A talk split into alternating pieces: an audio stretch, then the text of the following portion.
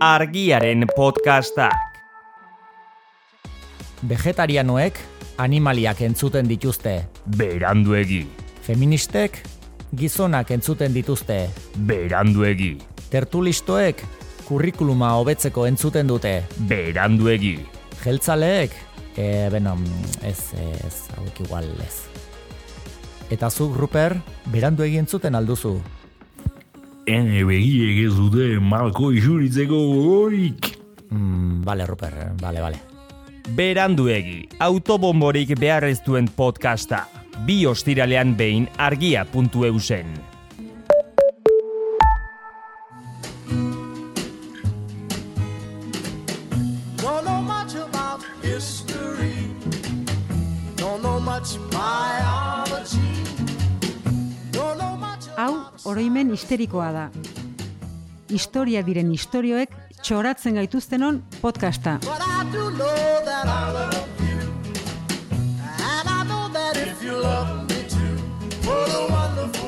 this would be. Don't know much about you. Jalo nagoreta eta e punto. E, dakizuen ez, e, piramideen azalben bakarra ez talurtarrek egin izana. Mundua laua da, ze, zer uertzari beriatzen bediozu, pues, horrez daku hartu, kor, e, korbaturarik e, ikusten. Nes lakoan bazpare zaitezte bainatu, bazpare. E, iraken zuen txipen handiko armak e, e, daude, zeuden eta daude, gazak ospitalen azpian dauden bezalase. Eguzkilore bat e, atezarrenan jarriz gero espiritu txarrak e, usatzen dira, Eta Ricky Martini, Manueladak eta Txakurrak asko gustatzen zaizkio, eta batera baldin bada, e, hobe. Mm, fake newsak, ala ez, e, bueno, hor geratu dira gure iruditeri kolektiboan, eta beste esaera batzuk, ere bai, Bai, fake aipuak edo ez. fake aipuak. Bai, bai. Ba, gaur horren inguruan lehiaketa moduko bat egingo dugu. Mhm. Nork esan zuen esaldi hau, izenekoa, edo besan da, nork ez zuen esan esaldi hau. Oh, jolasten daiteke? Mm, bai, Vale. bai. Ikusiko dugu, pertsonaia historikoen aipu ezagun asko, faltsua direla, edo beste norbaitek e, em, esan zituela. Zuk parte hartu dezakezu, zuzenean ezin duzu ez, entzulek parte hartu, Aha. baina denek saria irabaziko duzue.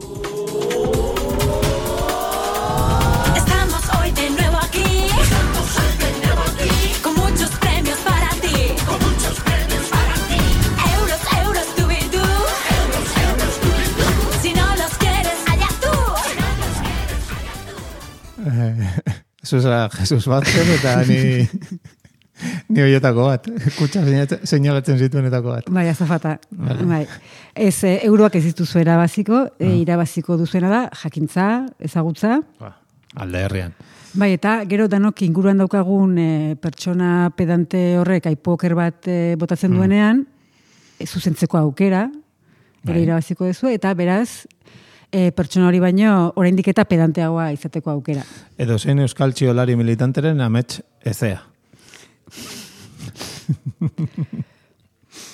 E, egia da, e, atribuzioak atx hauetako asko e, aspaldikoak direla, baina sare sozialek ez, esponentzialki ugatzea ekarri dute, zuk esan duzu bezala, txiolarien artean ez, e, Mhm. aipu faltsuak oso, oso ohikoa dira. Bai, bai. Eta azkenean, esaldi itxuroso bat hartzen duzu, e, ondoan personaia historiko baten argazkia eta izena gehitzen diozu, eta ja egia absolutua bihurtzen da, automatikoki. Bikain. Bai, adibidez, gogo eta filosofiko bati, Aristoteles eh, jarriko diozu, ez? Zer ez du esan Aristotelesek. Hori da.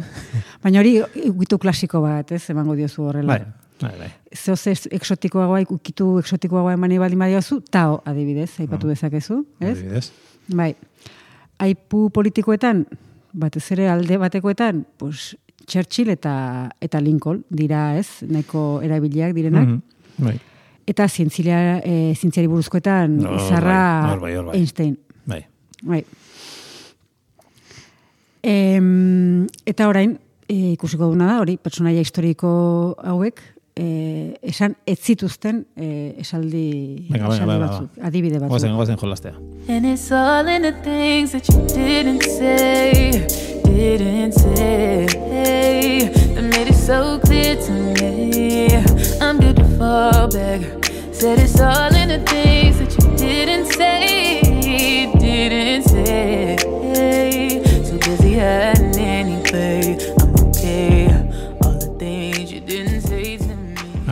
Nork esan zuen, bai. batzuk denbora guztian engainatu ditzakezu, denak tarte batean engaina ditzakezu, baina ezin duzu mundu guztia denbora guztian engainatu. Nik hori badakit. Bota. Alfredo de Miguelek. Barkatu? Ez? Ez. Ah. Zin da. Ba, interneten oso zabaldua dagoenez, Abraham Lincoln izan zen. Ah. Bai, esan leke. Bai, ez da? Bai, esan leke. Beste esaldi bat. Nork esan zuen, etorkizuneko fasistek beren buruari antifasista esango diote. Abaskalek. E, hori ere izan liteke, baino e, orain arte e, Winston Churchilli Ah. egotzi diote. Ah, ja.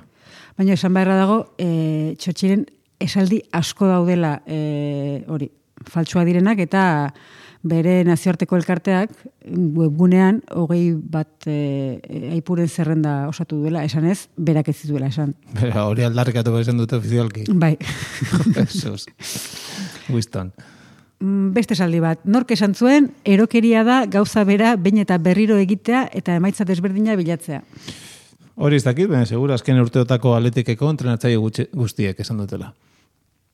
E, Badaukazu zuko arantza bat e, atletiken azken urtetako emaitzarekin. Zin da, zin da. Einstein, Ah, ah, bai. Hori, komodin erreza. bai. Ez? Ba, bueno, esan dituguna adibide guzti hauek, okerra dira. Mara. E, ez zituzten haiek esan, egia ez dakigula nork esan zituen, baino nik apustu egin barko banu, eleiak eta hontan, esango nuke emakumeak izan zitezkela. Horietako askoren Hori egilea. apustu potolo da, eh? Bai, Hankatera artean zer zuten asmatzea, bueno, baina zer sentitzen zuten, mm, iragartze, eh, adibide Ja. batzutan oinarritu naiz, e, hori esateko, a ber. eta mm, lehenengo adibidea, ordoa, nork esan zuen, nahiago dut zutikil, belauniko bizi baino.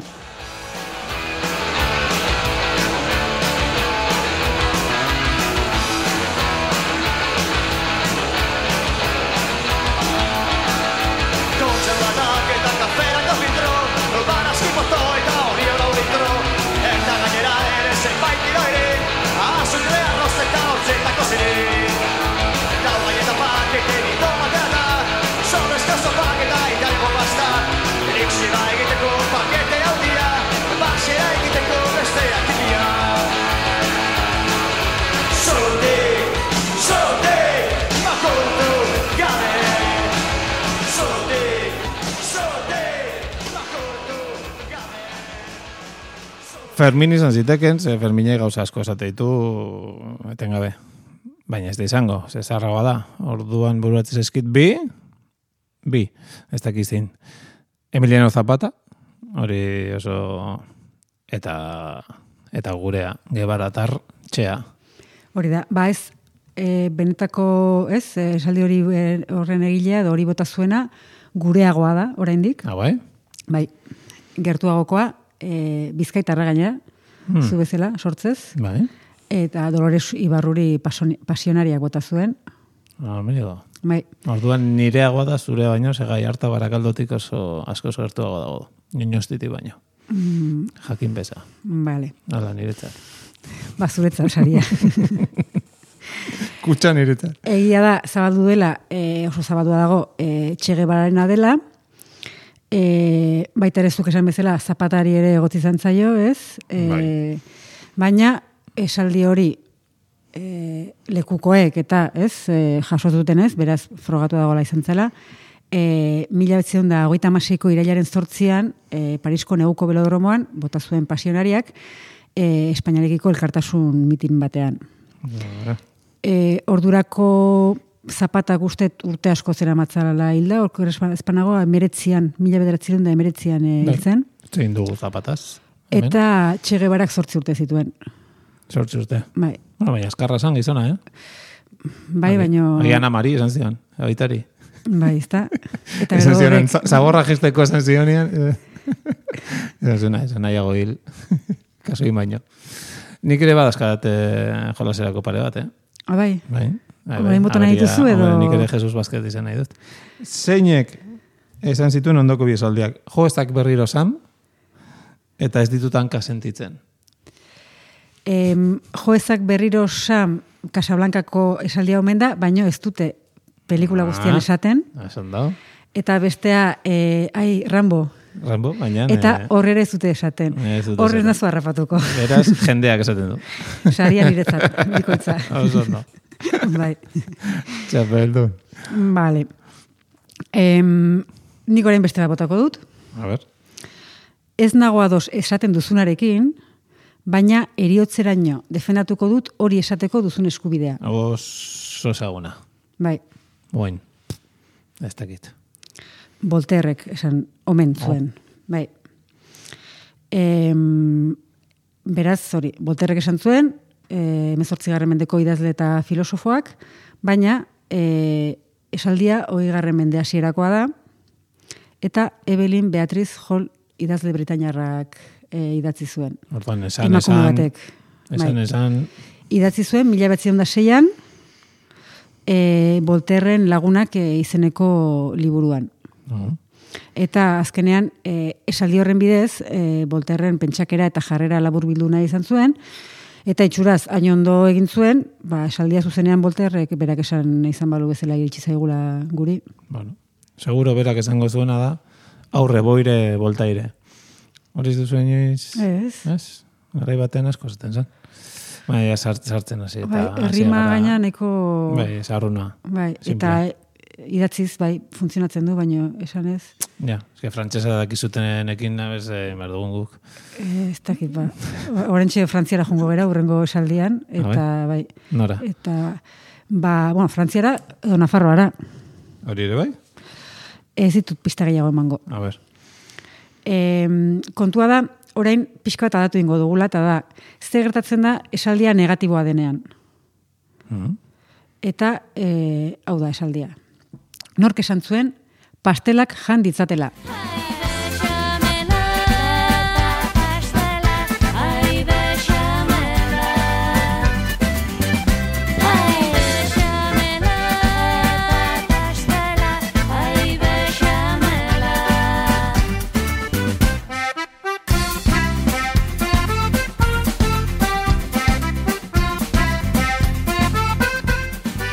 Ba, maiza, laiziar. Mm, ez, Ez, Nafarrak, bueno, deno gara Nafarrak, agian frantziara jundia oporretan ez baetetan esan zuten. Ez, Maria Antonietak, oh, hori ere, bai, eh? Nafarrarekin eh, bai, e, Frantziako erregina zen, baina Nafarroakoa ere bai. ere bai. Bai. em, bere senarrak, Luis Amasei garrana em, erregeak, gilotinatik bera baino, ez? Maria Antonieta baino lehenago pasaharren, e, bere lepoa, Maria Antonietaren lepoa lehenago e, eskatzen hasi ziren, Mhm. Madame Deficit edo Austriar Otxemea eta eta lako ez izena jarri zizkioten, Dana politak. bai, eta orain ikusiko duzu nire frantzes maila eskasa. Bueno. E, e, zuten bere jatorria, austriarra zen, e, hitz joko berezi bat egiteko. Oso ondo. austriarra izango litzatekela, bihurtu zuten autre chien, hau da, beste txakur bat edo beste txakur eme Bai. bat. Dena, denari maitasuna dario. Hori da, bai. E, egia da, gortean bertan ere bere ala egin zituela etxaiak, ez? E, ba hori, ba, bere aldekoak ez, zirena, ez zirenak baztertu zituelako, politikaren artean ere berdin, e, ez zituen lagun asko egin, zabiz, e, turgot finantza arduradunak e, e, kargutik e, egoztea, ez? Arduraduna kargutik egoztea eragin zuen. Eta imaginatzet, finantza arduraduna, ez zela oso gustura egongo berarekin, ba, ez e, gutizia garestiak e, asetzeko dirutza xautzen oso trebea zelako. Joder. Maria Antonieta, Horrela zen da, ez dakit, pena pizkat eh, ematen du miren antxonik. Baina ondo pentsatuta ez. ez. Baina kontua da, e, lehen esan dugun esaldi hori, pastela janditzatela, hori izan zela, ez, ba, herritarren engorrotoa, ez, baterze herrixearen gorrotoa piztu zuena, eta izan zen irautza prozesuaren hasieran, e, erregina galdetu omen zuen, herritarrak zergatik ari ziren protestan, eta esan ziotenean jateko girik ere ez zutela, erantzun omen zuten, erantzun omen zuen, bari, pastelak jan ditzatela. Ja. Em, baina, badirudi, etzula sekula esaldi hori esan. Berak, Rusok, Jean-Jacques Rusok, e, bere garaikidea zen, antzeko esaldi bat aipatzen du, ez, konfesioak bere lanean, eta e, eta badirudi Luis eh, Amalaugarrenaren emazteaz ari dela, e, Maria Teresaz, edo Madame de, Bor, de, de, barkatu, eh, de Montespanez ari zela.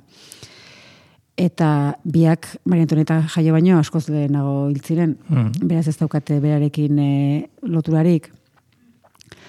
Estefan Zuaik, idazle eta biografoak, e, uste zuen Luis Amaus Garrenaren alaba batek esan zuela, beraz, Maria Antonieta baino lehenagokoa ere zela, eta azkenean e, esaldi hori Maria Antonietari egoztea edo berak esan zuela esatea, erreginaren e, kontrako ba, zurrumurro kanpainaren barruan kokatzen du. Ba, zentzu badu, ze beste batzuk ere ezaguna dira, ez? Bere diamantesko lepoko horren are badago, erosti, erosteko eskatu ziola, ez dakin hori kristoneko zera, pues, jendea hogi eskatzen ari zen bitartean, ba, bera joiak, ez, Bai, harri eta- ero, montatu zuena bere baserritxoa, petit, petit trianon, hola jauregitxo bat hartu zuen, eta maratzetxo bat eta montatu zuen inguruan, ba, pixka bat nekazari izatera jolasteko, ez? Errixea izatera jolasteko. Baina, bueno, nik uste kanpainarik ere ez zuela behar. Baina, Eh, ez. beste historiare batek, eh, Antonia Freiserrek, eh, iritzi berdina dauka, eta eh, gogorazten du gainera, Versailleseko martxan, ba, jendetzak, errixeak, bib legua, hau da, biba erregea, oiukatzen zuela, ba, emaztearen eriotza, ez? Mm. E, lepoa eskatzen zuten bitartean. A ber, horre guztiak ez du derrigorrez esan nahi, Maria Antonieta uste baino asko zobea e, zenik, ez? Esan dugun bezala Bai. baina alderantziz bai, hau da, errege familiako edo eh, goi nobleziako gainerako kideak, baino asko zokerragoa etzela. Ba bai, odola beste kolore bateko hauten mutante hoien artean, pues, zabaltzeko moduko baten bat topatzea beti ariketa zaila izaten da, ez?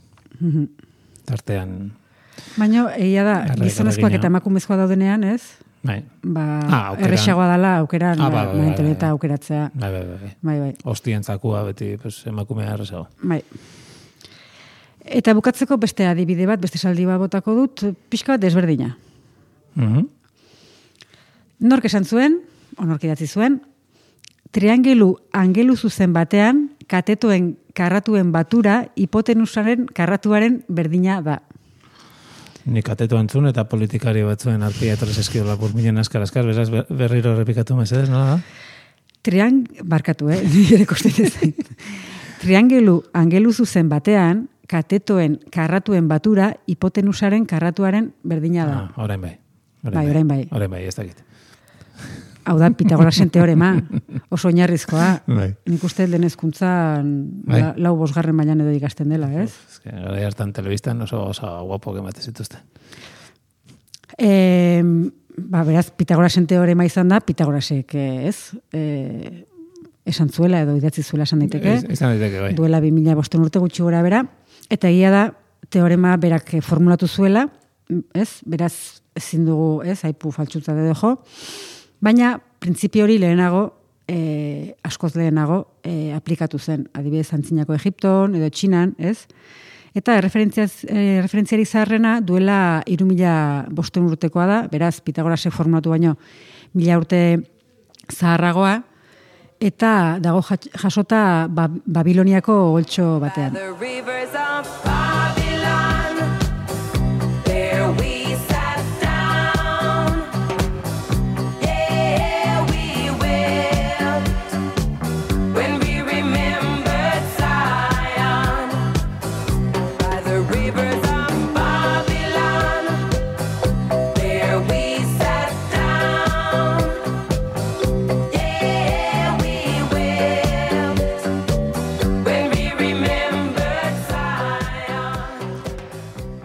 Ez dakit, eh, azkeneko adibide honek zentzu ondire daukan, edo lotura ondire daukan aurrekoekin, baina eh, zentzua ez daukana da podcast honen helengo denboraldia bukatzen ari dela, ez? Urtea bukatzen ari dela, eta boni hemen abestirik ez dugu lauren arte sartu.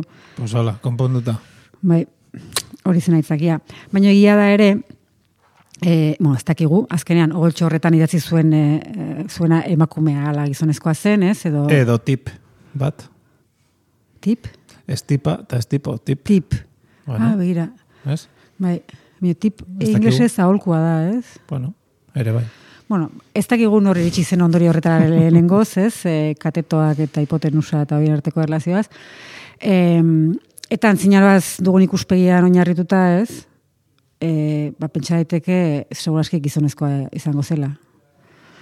E, baina antzinaroko, antzinako Mesopotamia e, pentsatu baino, ez dakit, e, orekatuagoa zen, edo gizon eta emakumen arteko berdintasuna uste baino nabarmenagoa zen, eta adibidez historiako lehen idazle ezaguna, e, izenez ezagutzen dugun lehen e, idazlea poeta, emakumea zen, eneduana izena zuen, akadiarra zen, eta duela lau mila irureun, e, lau mila eta irureun urte inguru bizi izan zen. Jode, ba, oizi premistia mandosuna saio bukatzeko, ni bentsate ez nekina. Gizakiren historian lehen idazlea. Bai, bintzat, e, e, izenez ezagutzen dugun lehen idazlea. Bikain. Ene duana. Bai, Gainera, izenak berak ez du gezurrik esaten, ez dago fake newsikor. ez? Ene duanak kasu hontan bi. Argiaren podcastak.